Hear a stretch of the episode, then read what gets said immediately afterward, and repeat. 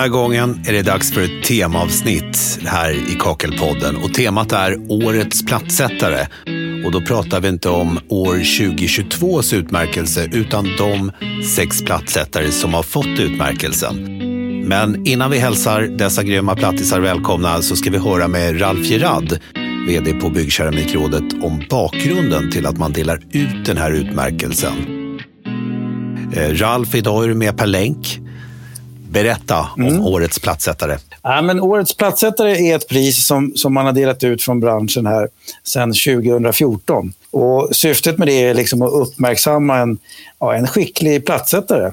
Eh, någon som har gjort någonting utöver det vanliga, det här lilla extra eller ja, någonting som sticker ut lite, lite grann så där, i mängden än de här traditionella plattsättningsarbetena. Så det är liksom syftet med det. Och, ja, ge dem lite uppmärksamhet och, men också kunna vinna ett fint pris. Då.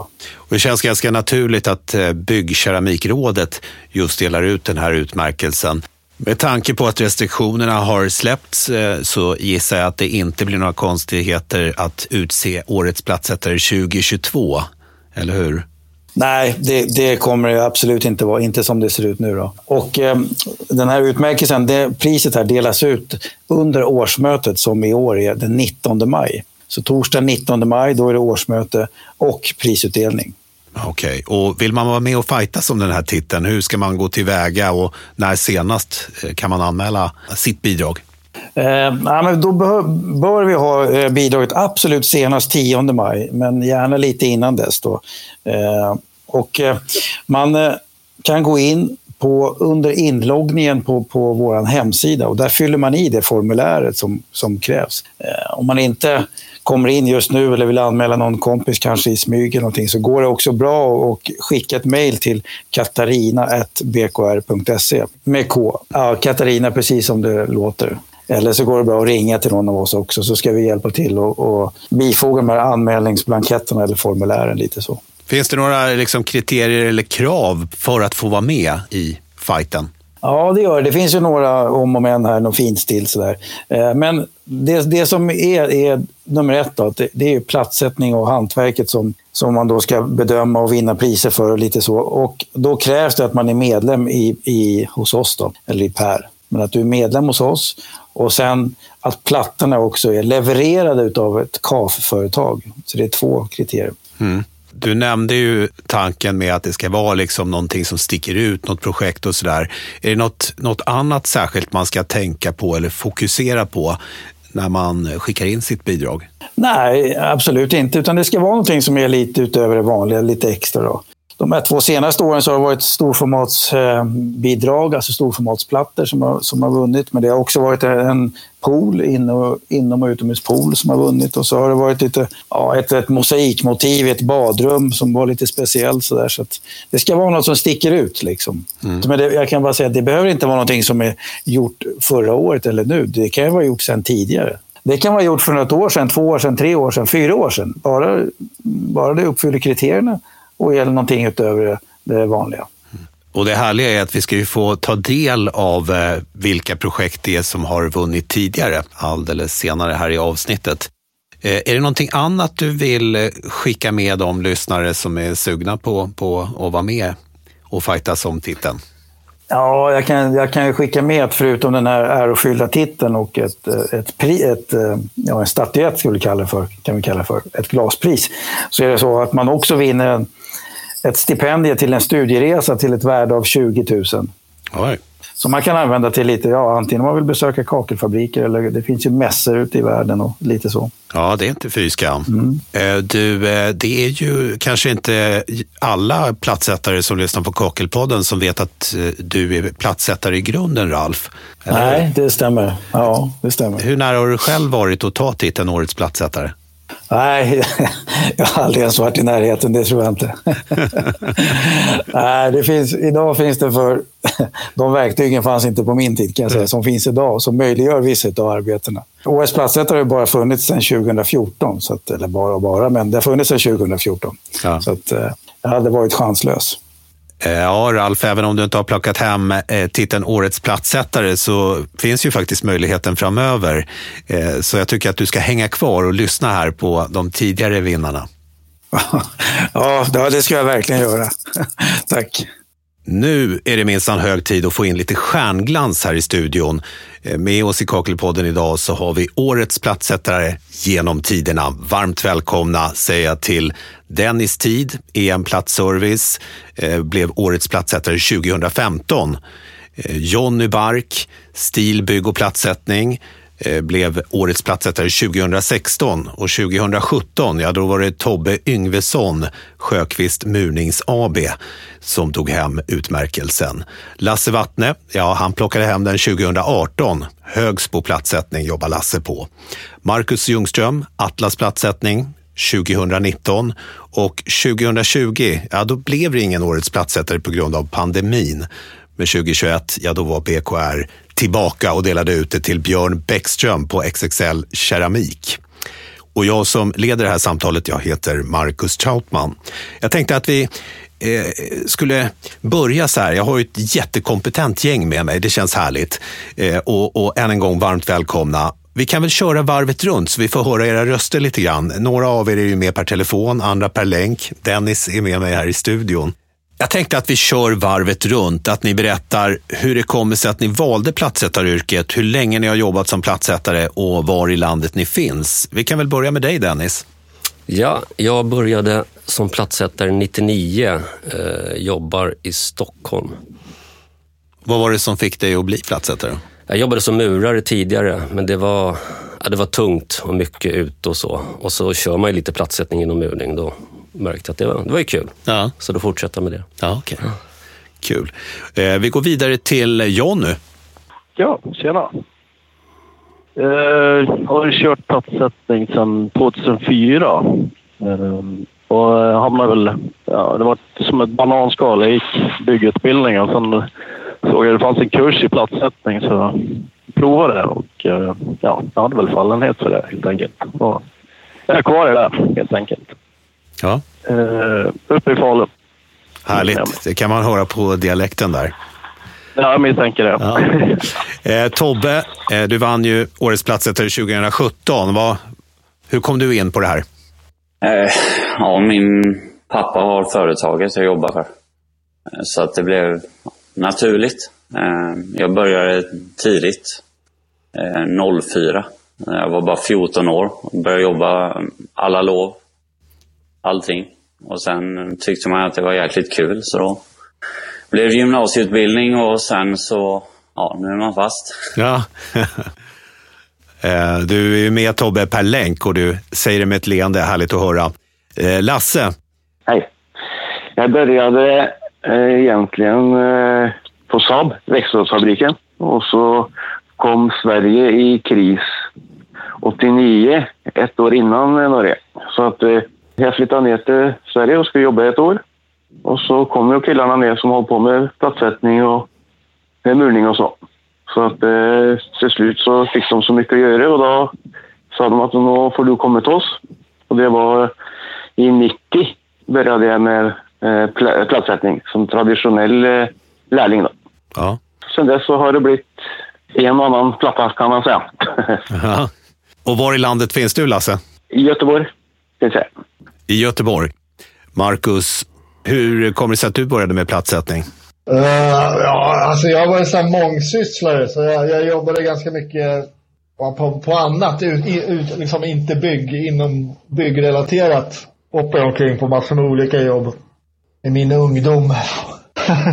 och sen uh, började jag plugga, pröva det, men det funkar inte heller. Så då, då var det liksom, kände jag, jag alltid gillat att jobba med händerna så jag hoppade på en sån här arbetsmarknadsutbildning. Och då blev det platssättning. Jag vet inte vad som drog mig till det riktigt men det var det det blev och det var det. Jag gillar det som fan. Det är skitkul. Var någonstans i landet finns du då? Jag är ju stockholmare. Just nu befinner jag mig i Stockholms skärgård här. Spännande. Kanske du kan berätta om lite senare. Eh, och ja, Björn Bäckström. Ja, hej. Hej. Jag började med platssättning 2006. Eh, det började med att jag jobbade då här i Lund nere i Skåne på ett eh, dataföretag. Så började jag kakla mitt kök hemma. Tänkte att äh, jag provar själv. Så tyckte jag att men det här är jätteroligt. Så bestämde jag mig för att nej, men jag måste byta yrke. Jag kan inte sitta och jobba med en dator längre. Jag måste bli hantverkare kände jag. Så då tog jag kontakt med Lernia där nere i Kävlinge och frågade om de hade någon utbildning till platssättare. Så kom jag in där på en eh, vuxenutbildning. Så jag började min karriär där. Och då kände man att jag hade verkligen hittat rätt. Att det är det här jag vill göra med att jobba med händerna och skapa saker med händerna. Härligt att höra era bakgrunder. Jag tänkte jag skulle sticka in en fråga här som är ganska öppen egentligen. Eh, det är ju intressant att höra hur ni började och, och, och vad det var som gjorde att ni började. Men när man börjar ett nytt yrke, eh, oavsett egentligen vad det än är, så är man ju, man är ju en rudis, man är en nybörjare och okunnig i början. Hur var det liksom att, att, att börja och vara helt okunnig? Är, är, liksom, är det någonting som ni vill berätta? När jag började som platsättare, det är Björn som pratar nu, så jag var ju livrädd för att göra fel för att man hade så höga krav på sig själv. Och han jag gick med då som lärling så sa han så här att det värsta som kan hända är att vi får göra om. Och det är ingenting, alltså det är, alla gör fel, man lär sig av sina misstag. Och det där har jag tagit med mig sen eh, i min karriär, att man ska våga misslyckas. För gör man inte det, då, då utvecklas man inte som platssättare. Om man har, inte kan vinna över den här rädslan med att göra fel. Vad bra input där. Jag håller helt med om det. Det stämmer helt hundra procent. Man får inte vara rädd att misslyckas. Man har ju fått göra om ganska många grejer i början. Man gjorde. Men det fick man ju liksom äta upp surt. Men nu gör man ju aldrig om det egentligen. Man lär av misstagen, ett bra tips. Eh, om man skulle säga så här då, hur blir man en riktigt duktig plattsättare? Vi har ju liksom eh, de bästa av de bästa här med oss i Kakelpodden idag. Har ni några bra tips? Dennis, jag kan börja med dig kanske. Planering skulle jag säga. Planering, ordning och reda. Det tycker jag i alla fall. Ja. Eh, noggrann. Eh, liksom, tänk på upplägget, eh, tänk på detaljer. Eh, var kreativ. Det är bara, det är bara att nöta på så brukar det bli bra. Men var noggrann i alla fall och tänk liksom estetiskt. Tobbe? Ja, jag håller med Jonny där fullt ut. Och sen eh, för mig är det viktigt med en helhetsbild. Dagens badrum, det är inte, ja visst det finns ju några med 15-15 på väggarna men alltså idag det ska vara stort och det ska linjera och det ska vara uppkäftiga kuvertfall och det ska vara ditten datten och allt måste stämma för att det ska bli jäkligt bra på ren svenska i slutändan. Så det, jag håller med, noggrannhet och ja. Lasse, vad säger du? Ja, det är väl att meta ut först och tänka till. Eh, så att inte man åker på en sån big surprise. Och så är det ju noggrannhet och, och så är det ju också en sak, det är ju att man skickar rätt man på rätt plats. Och också är rätt viktigt. Ja, alla har vi våra olika styrkor. Marcus, vad säger du då? Uh, ja, detaljer. Det, man får inte släppa någonting. Börja släppa någonting. Det är jävligt viktigt. Och sen är det självklart lite planering som krävs innan så man inte bara hafsar igång någonting och sen ångrar sig. Det där kanske jag inte skulle gjort. Men, men detaljer, alla små grejer, det är liksom Börjar man släppa på sånt så det samlas sig ihop och så blir helhetet när det är klart sen blir det inget bra. Så mycket detaljer skulle jag vilja säga. Mm. Inte släppa på. Björn då, vad, vad tycker du? Hur blir man en riktigt duktig platssättare? Det är ju planeringen först och främst. Och sen så tycker jag det är viktigt också att om man ska bli väldigt duktig i det här, det är att man ska inte stressa sig fram till någonting. Utan det får ta den tid det tar. För oftast blir det att när man stressar så gör man fel. Och sen så har jag den inställningen när jag gör alla mina jobb. Jag gör, allting jag gör, det jag gör det som att jag hade gjort det till mig själv. Och att det ska vara perfekt. Och då har man den inställningen så får, gör man bra jobb. Ja, men eh, riktigt kloka inputer där till hur man blir en riktigt vass plattsättare. Jag tänkte att eh, nästa fråga bakar ihop två frågor. Och det är liksom, vad är det bästa med plattsättaryrket? Och eh, finns det något moment som är rent av tråkigt eller, eller bara stökigt? som ni helst inte vill göra. Eh, och eh, så kör vi laget runt. Eh, Dennis, vi börjar med dig. Det bästa är frihet tycker jag och att det är kreativt yrke. Man ser vad man gör varje dag. Det är kul. Det sämsta här i Stockholm, det är trafiken, kan jag säga. Ja, jag förstår det. Ja. Jonny? Uh, nej, men jag håller med. Det är, det är kreativt. Uh, du, att det kommer ut för mycket olika kunder. Det handlar mycket om kommunikation med kunderna. ja, men utmaning på dig själv liksom. Det är du själv som sätter kraven och målen liksom. Eh, Det sämsta det är väl alla lyft. Det är tungt.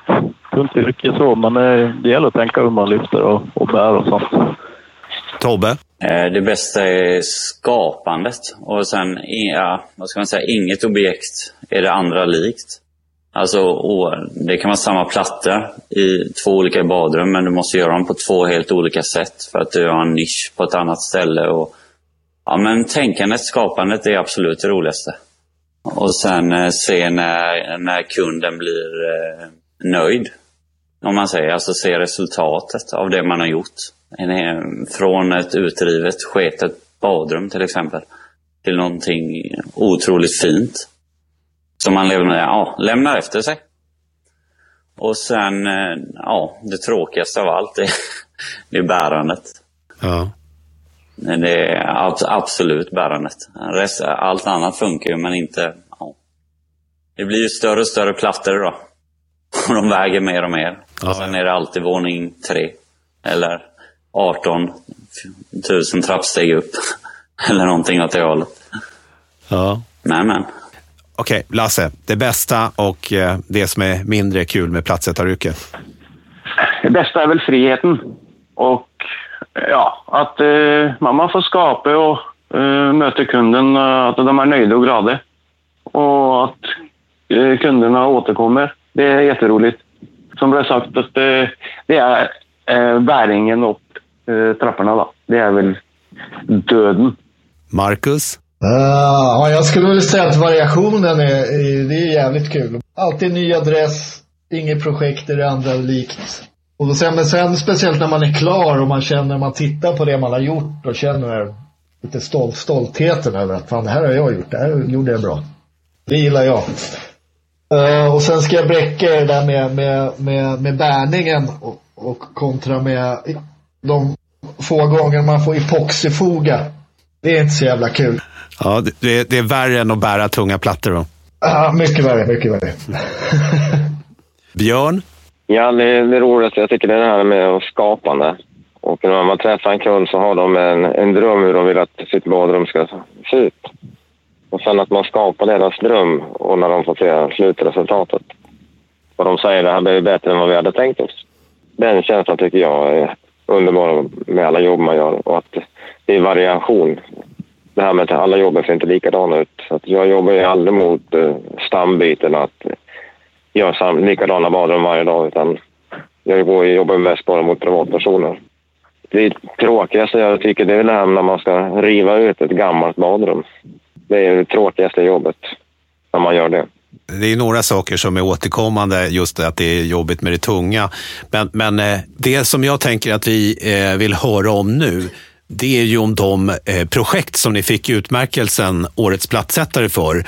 Eh, och jag tänkte att ni lite kort kan berätta om era projekt. Eh, Dennis, du kan väl börja? Mm.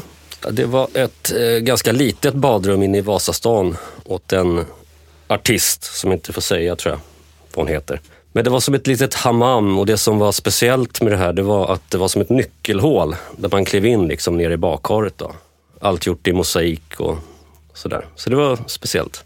Tog det lång tid att göra, göra det här? Ja, det var väl kanske tre och en halv, fyra veckor någonting. Men då byggde vi det från grunden så att säga, med skivor och allt. Och byggde karet och...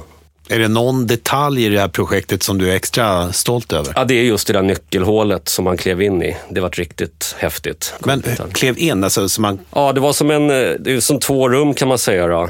Ett förrum och sen så var det en trappa upp och sen det här nyckelhålet och så klev man ner som i en pool då kan man säga. Ja, okej. Som en, en badkarpool typ. Kan man se det här arbetet någonstans eller är det så hemligt att det inte ens eh, visas? Nej, jag har aldrig sett det någon annanstans. Ja. Men hon ville inte att man skulle gå ut med hennes namn och så vidare. Nej, nej, okej. Ja, ja, spännande. Det låter ju onekligen läckert. Mm. Eh, Jonny, vad vad var ditt bidrag? Ja, mitt projekt det var ett, eh, ett träd, ett blåsande träd. Som, eh, som ett höstträd som, eh, som löven blåser av. Som man hade gjort på en stor kaklad vägg. Då. Man gjorde för hand, såg ut varje bit med, med rondell. Wow. Låter ju riktigt eh, som att det tog riktigt lång tid. Hur lång tid tog ditt uppdrag? Jag hade inte någon större koll faktiskt. Eh, Men jag skulle gissa mellan 40-80 timmar kanske. Mm. Själva den väggen då. Sen var ju hela badrummet resten då. Men själva, själva det jag fick pris för det var ju, var, var ju trädor då. Mm. En bit kanske kunde ta fyra timmar kanske. Kan man se det här trädet? Finns det dokumenterat någonstans eh, så att gemene man kan titta på det eller är det också ett hemligt projekt? Nej, det är inte hemligt. Jag tror det finns på er hemsida kanske. Vi gjorde det förut i alla fall. pkr.se. Kan vara värt att kolla. Det låter ju eh, riktigt läckert det där. Tobbe, vad var ditt bidrag? Två poler med ett eh, otroligt avancerat mönster som en riktigt stor eh, arkitektfirma har konstruerat.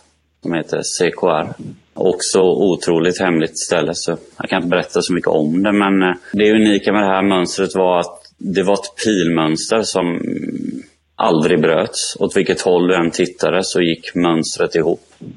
Eh, Alla hörn är girade, tak är klädda, golv, väggar, alltså ja, you name it. Alltihop. Och det är ju likadant på utedelen då. Där det är en pool som går ihop i ett hus och då går mönstret ihop där med. Så ett evigt sågande. Och eh, jag vet inte hur många klingor vi gjorde av med men jag tror jag har något minne av att det var en, närmare 70. Oj. Alla vi som jobbar med keramik vet att granitkeramik, det äter klingor. Man, man gör många snitt, men eh, när de blir dåliga, det är, ja, det är bara att kasta skiten och ta nytt. Annars så fläker det. Hur lång tid tog det här projektet då? Ja, något år. var det i ärlighetens namn. Ja. Styvt ett, tror jag. Plus någonting. Nej, det var häftigt. Riktigt roligt att göra det. Var det någonting, någon detalj i det här arbetet som du känner extra stolthet över? Ja, men det är just, för det här mönstret var ju så speciellt och sen så skulle ju allting platsgjutas och det skulle göras efter plattorna och hit och dit. Men det är ju som allting annat. Alla vi som är i branschen vet att det där stämmer inte riktigt när andra ska börja räkna på fogbredd och hur mycket bygger det och hur mycket bygger det. Så det stämde ju inte, så vi fick ju dela upp mönstret för att det inte skulle brytas för att bitarna skulle bli symmetriska i alla innehörn till exempel. För annars så stämmer ju inte radien på, om man säger, när du ska få ihop någonting så måste du ha samma vinkel på plattan, annars så blir det olika eh, längd på det och då bryter ju mönstret igen.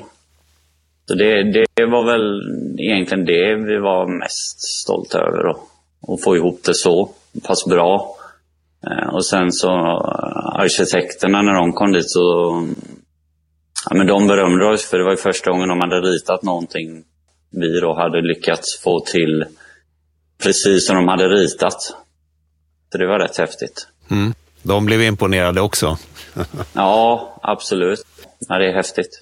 Ja, man blir ju nyfiken på att se det där, men, men som sagt, vissa av de här projekten är hemliga och det får man ha respekt för. Eh, Lasse, vad var det för projekt som du kammade hem årets plattsättare med? Eh, Vi tog upp plattor från 1840-talet eh, och det skulle tas upp helt. Och det var med mönster och det var med allt möjligt och sen skulle eh, det läggas eh, tillbaks. Och vissa plattorna var ju eh, skadade och, och så, så de limmade ihop och eh, lackade och bättrade och så la vi tillbaks eh, golvet. Låter som ett, ett arbete som tar väldigt lång tid. Ja, vi, vi var där i eh, omgångar så att det är en två, tre, tre år tror jag. på. Oj. Eh, men in- inte hela, inte hela tiden. Det var ju eh, projekt emellan så att det... Eh, men det var, det var lite intressant. Man får, fick leka Picasso. Är det här någonting man kan se i plattform eller på BKRs hemsida? det är helt eh, offentligt. Det är för kommunen i Göteborg. Ja, det får ni absolut kolla in. Va, vad skulle du säga Lasse, var det någonting i det här projektet som du känner dig lite extra stolt över? Att vi fick ihop det så bra. Ja, mycket, mycket finlir låter det som. det var det. Marcus, vad var det för projekt du jobbade med som kammade hem vinsten? Jag körde Big Slabs. Vad var de? Två- 240 gånger 1,20 tror jag. 240. Hela badrummet, eh, vägg, golv. Det var Carrara-imitation och Nero Absoluto-imitation. Och så Gera, Geralt ytterhörn, gjorde nischer ovanför inbyggnadstoalett och så här. Och så stenlimma välla ytterhörn, slipa. Körde utan kuvertfall under badkaret. Det var, det var ett litet mission, men det gick ganska bra. Bra blev det. Ja. Tog, vad tog det? Två, två, tre veckor? Fyra kanske? Jag kommer inte ihåg exakt. Men det var väldigt mycket gening, så det, det tog ganska lång tid. Hade du jobbat med så här stora plattor tidigare någon gång? Ah, det var ganska, det var när det började komma det där. Så det var ganska, vad, kan det, vad gjorde vi det där projektet? Det var 2018, 2017, så det var ganska nytt fortfarande. Ja. Nå, eller något badrum till tror jag jag gjort innan. Men så hade vi varit nere i Italien på någon liten utbildning. Fått lite tips och tricks. Ja, okej. Okay. Och det kanske var tur då för just det här projektet? Ja, det, det, det hjälpte i alla fall på projektet efter det som blev, jag vilja säga, ännu bättre. Vad skulle du säga i det projektet känner du extra stolt över? Jag skulle säga he helheten. Helheten. Och sen kunna få, för de, för de är ju bara 6 millimeter så de är, de är ju väldigt, de är inte helt lätta att hantera. Och speciellt inte om man borrar massor med hål och har en nisch i samma platta. Så var den toalettdelen var väl, det var, det var en utmaning. Så den var Och sen eh, kuvert, kuvert fall löst på golv. Nej, det gjorde vi bra. Spännande projekt. Är det någonting man kan titta på i efterhand? Ja, eh, Atlas Platt, Instagram, Facebook. Eh, vad har vi mer? Ja, sociala medier. Ja, okej. Okay. Jag är inte ja. så hype på det själv, så, men det, det kanske kan bli bättre. Ja, men där kan man få faktiskt mycket inspiration. Jag tänker på Instagram där. Jag har varit inne och kollat på några av era Instagram-konton. Eh, kan jag varmt rekommendera. Eh, då har turen kommit till dig, Björn. Vad var det för projekt du vann årets platsättare med? Jo, det var så här att jag i Lund hos en eh, snickare som jag samarbetar med. Jag hade gjort hans badrum med 120-120 eh, platser på väggar och golv. Så började han att prata om att de skulle ha en ny bänkskiva till köket i gick i marmor. Och så tyckte han att ja, den, den kostar 80 000. Det är ganska mycket pengar. Men då sa jag till honom att uh, men jag kan uh, bygga en egen bänkskiva av storsmalsplattor som jag har på mitt lager. Jag kan det. Har du gjort det förut? Nej, jag har aldrig gjort det, men eh, jag vet att jag kommer klara av det. Okej. Okay. Så tittade han på mig och skrattade han. Så sa han till sin uh, sambo vad tycker du? Ska vi köra på det här? Ja, vi kör. Vi litar på Björn. Och då fick jag så fria händer där och komma med förslag hur man skulle kunna göra det för att få en snygg design på hela konstruktionen. Och det här med att jag har ju som ett kallskydd runt där med mässing och det var väl... Eh, först tänkte jag att jag skulle gera plattorna runt om, runt på kanten så att ådringen gick på väggen, bänkskivan och ner över kanten. Men då sa ju hon att vad händer om man slår in en stekpanna i kanten? Ja, risken är ju ganska stor att man kan slå bort en flisa. Så då bestämde vi att ja, men ska vi inte försöka få tag på mässing, blankt polerad mässing som matchar eh, horn och kranen. Ja, men det gör vi. Ja, men jag har en kompis som är plåtslagare. Jag kan prata med honom om han kan tillverka ett kantskydd i mässing. Ja, ja, det, det kunde han. Så då kom han dit och måttade så satte vi på det här kantskyddet i blank mässing som liten guld. Och det svåraste med det här projektet det var ju att få upp den stora bänkskivan. Först provade vi tillverkade en eh, uh, gipsskiva i samma storlek som uh, den stora kuppen. Vi fick inte in den i hissen, inte genom trappen. Han bodde på tredje våningen. Så måttade vi... Hur bred är skivan? Ja, den är 1,06 bredden. Så gick han och måttade fönstret och fönstret var 1,04 brett. Ja, det enda sättet vi kan få in den här är att vi vrider hela plattan på diagonalen och drar in den genom fönstret. För han som kom dit med den här, det var någon sån truck med en traktortruck, så han hittade ju upp hela pallen med plattan upp på tredje våningen. Så hade vi satt på de här äh, bärsystemet. Sen fick min kompis här, snickaren, han är ganska stark, han är kroppsbyggare, så han fick vrida hela, hela plattan med bärarmen på diagonalen. Samtidigt fick jag dra in den genom fönstret. Så fick vi hålla koll på så att vi inte kallstötte plattan när vi drog in den genom fönstret. Det var den största utmaningen. Men ni lyckades med det? Ja, vi lyckades. Och vi, vi skrek och skrattade när vi fick in plattan. Han hade ont i ryggen också. Ja, det låter ju som ett riktigt projekt. Eh, och jag har för mig att jag har sett bilder eh, just kring ditt eh, bidrag. Det var, det var ju det senaste, förra årets Årets plattsättare, eller hur? Ja, det stämmer. Och det var väl med i tidningen Plattform, vill jag minnas? Ja, ja det stämmer. Vad skulle du säga, vad var kronan på verket i det här projektet? Det var att se alltså, det här med slutresultatet nu med, som man säger, ådringen stämma på bänkskivan och gå upp på väggen. Alla detaljerna som kom fram när det var färdigt. Det var det som eh, äh, det var mäktigt, mäktigt att se det. Jag hade så tur att jag hittade platsen. Så jag hade den plattan som var på kökssidan som gick in mot väggen. Så den köket var som ett L. Och då hittade jag faktiskt, som tur var, en platta så att långsidan och kortsidan och ådringen stämmer rätt så bra. Så det såg ut som att det är en platta av alltihopa med ådringen. Så det var mycket tur också att man eh, fick det att stämma så pass bra. Riktigt läckert. Eh, tack så hemskt mycket för att ni delar med er av era, de här projekten. Väldigt imponerande och inspirerande att höra om era eh, olika projekt. Jag tänkte, den här utmärkelsen, Årets plattsättare, vad har den betytt för er? Har ni liksom kunnat använda er av den i er marknadsföring? Har ni fått fler kunder eller något annat positivt kring det här? Jag tänkte att vi kör laget runt. Vi börjar med dig Dennis. Ja, vi jobbar ju mycket med försäkringskunder så vi jobbar inte mycket med privatare så egentligen. Så för mig har det inte betytt jättemycket så marknadsföringsmässigt och inget man har gått ut med så. Men sen googlar ju folk och när man ska komma till dem så då vet de ju att jaha, du var en årets plattsättare. Det får man ju höra och sådär. Mm. Annars är det mest gliringar från arbetspolare och så vidare. Så Men det måste ju kännas bra eh, liksom i, i kroppen? Ja, absolut. absolut. Jättekul att få utmärkelsen. Det är det, helt klart. Jonny? Nej, men det var jättekul att få utmärkelsen. Som sagt, eh, det är ett kvitto på att, ja, att man är duktig. Och ja, men det är klart, det kommer ju ut till, till folk också. Ja, men, ja, men han, han är riktigt vass på att sätta plattor, så, så det är kul. Ja, men är det så att folk eh, i Falun där alla vet att du, eh, du har tagit hem den här titeln, Årets plattsättare?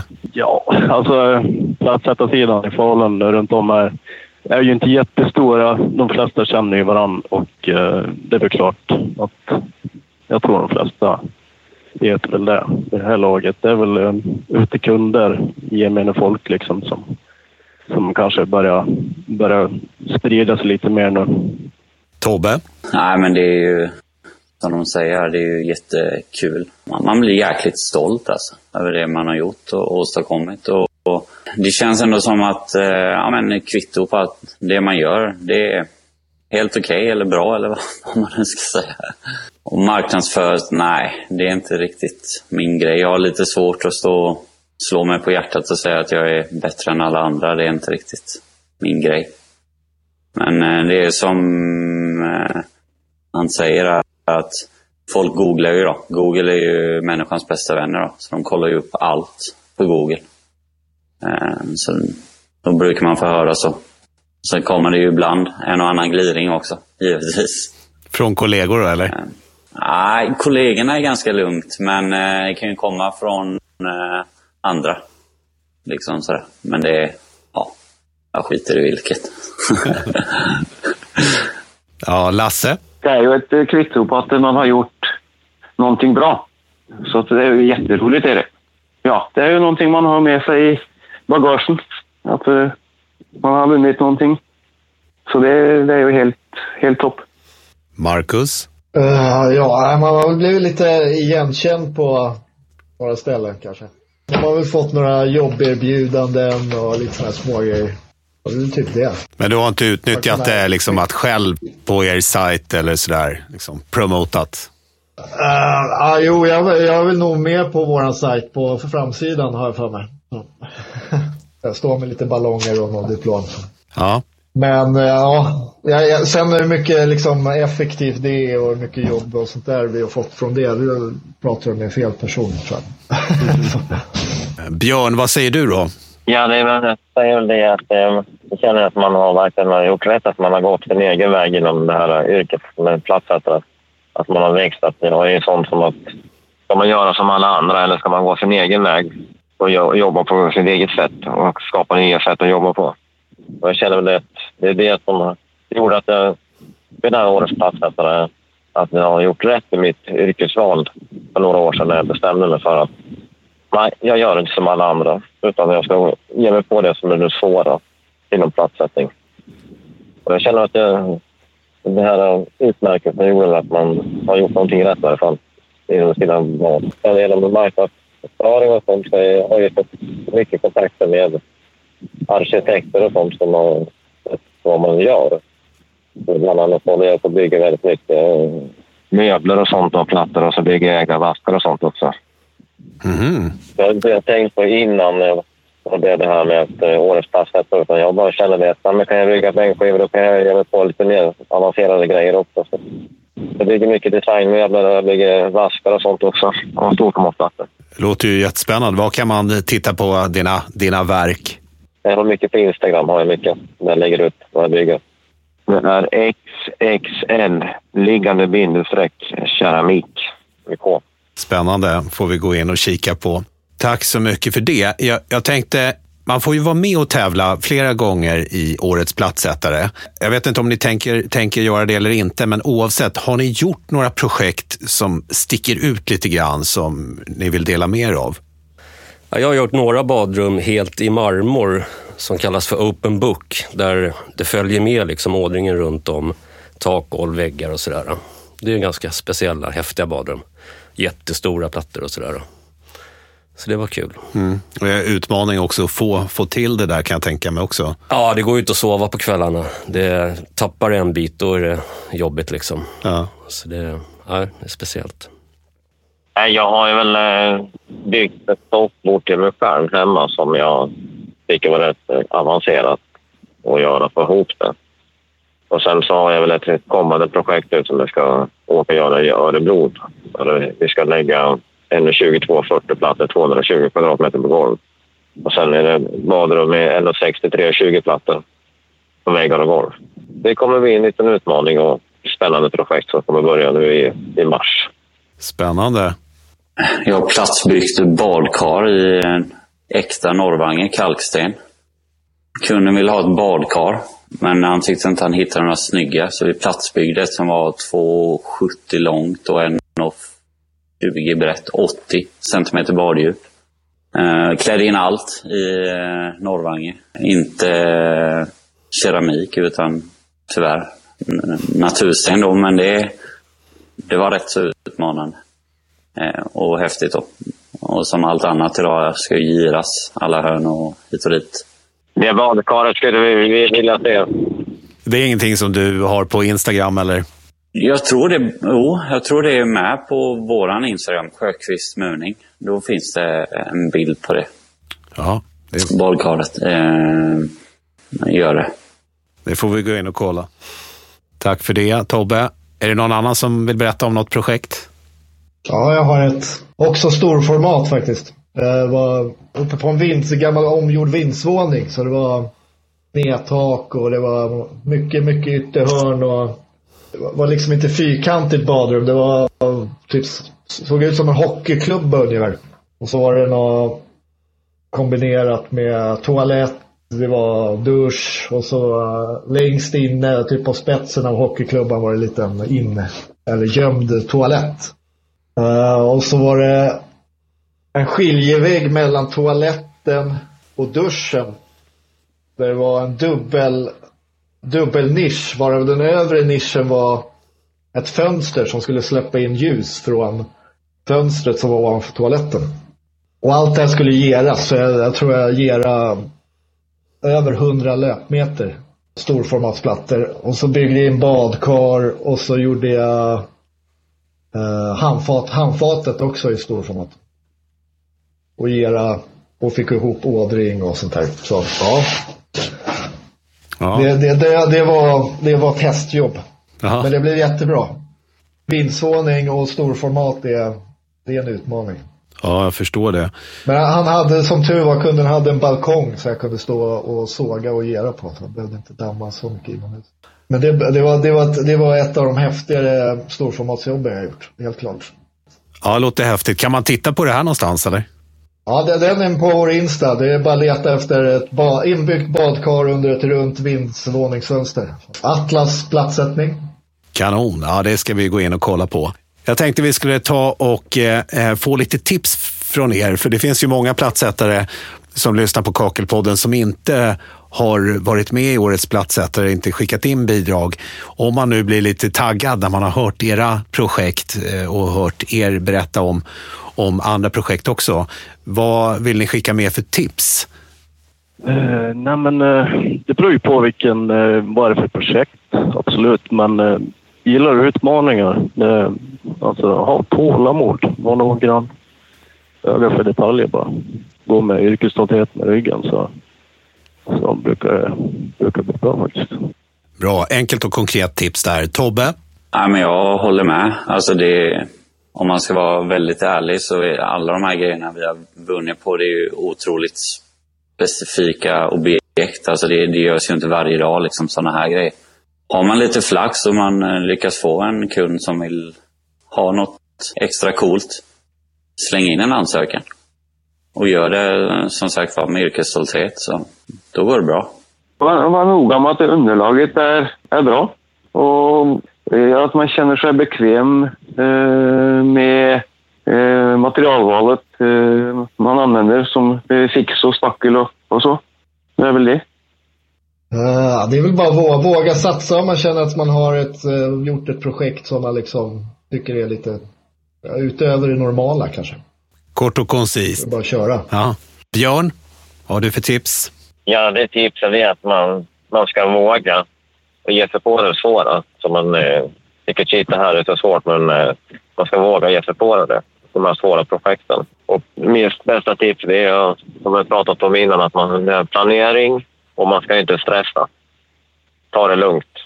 Och sen eh, använd mycket hjälpmedel som finns för oss platssättare när man ska göra sådana här specialjobb. Det underlättar väldigt mycket. Tack för bra tips. Avslutningsvis, eh, plattsättarmästare där. Har ni någon, något annat mål? Ni har kammat hem eh, den här titeln, Årets plattsättare. Skulle ni vilja kamma hem någon annan titel? Inom något helt annat område kanske? Ja, jag skulle vilja bli världsmästare i paddel. Finns det VM i platssättning? Bra fråga. Jag har ingen aning. Kanske någonting man ska införa. Eller åtminstone nordiskt mästerskap och sen kanske Europamästerskap. Det skulle jag vilja vinna. Hoppas nu att du har blivit riktigt inspirerad och att du är sugen på att anmäla någon av dina projekt.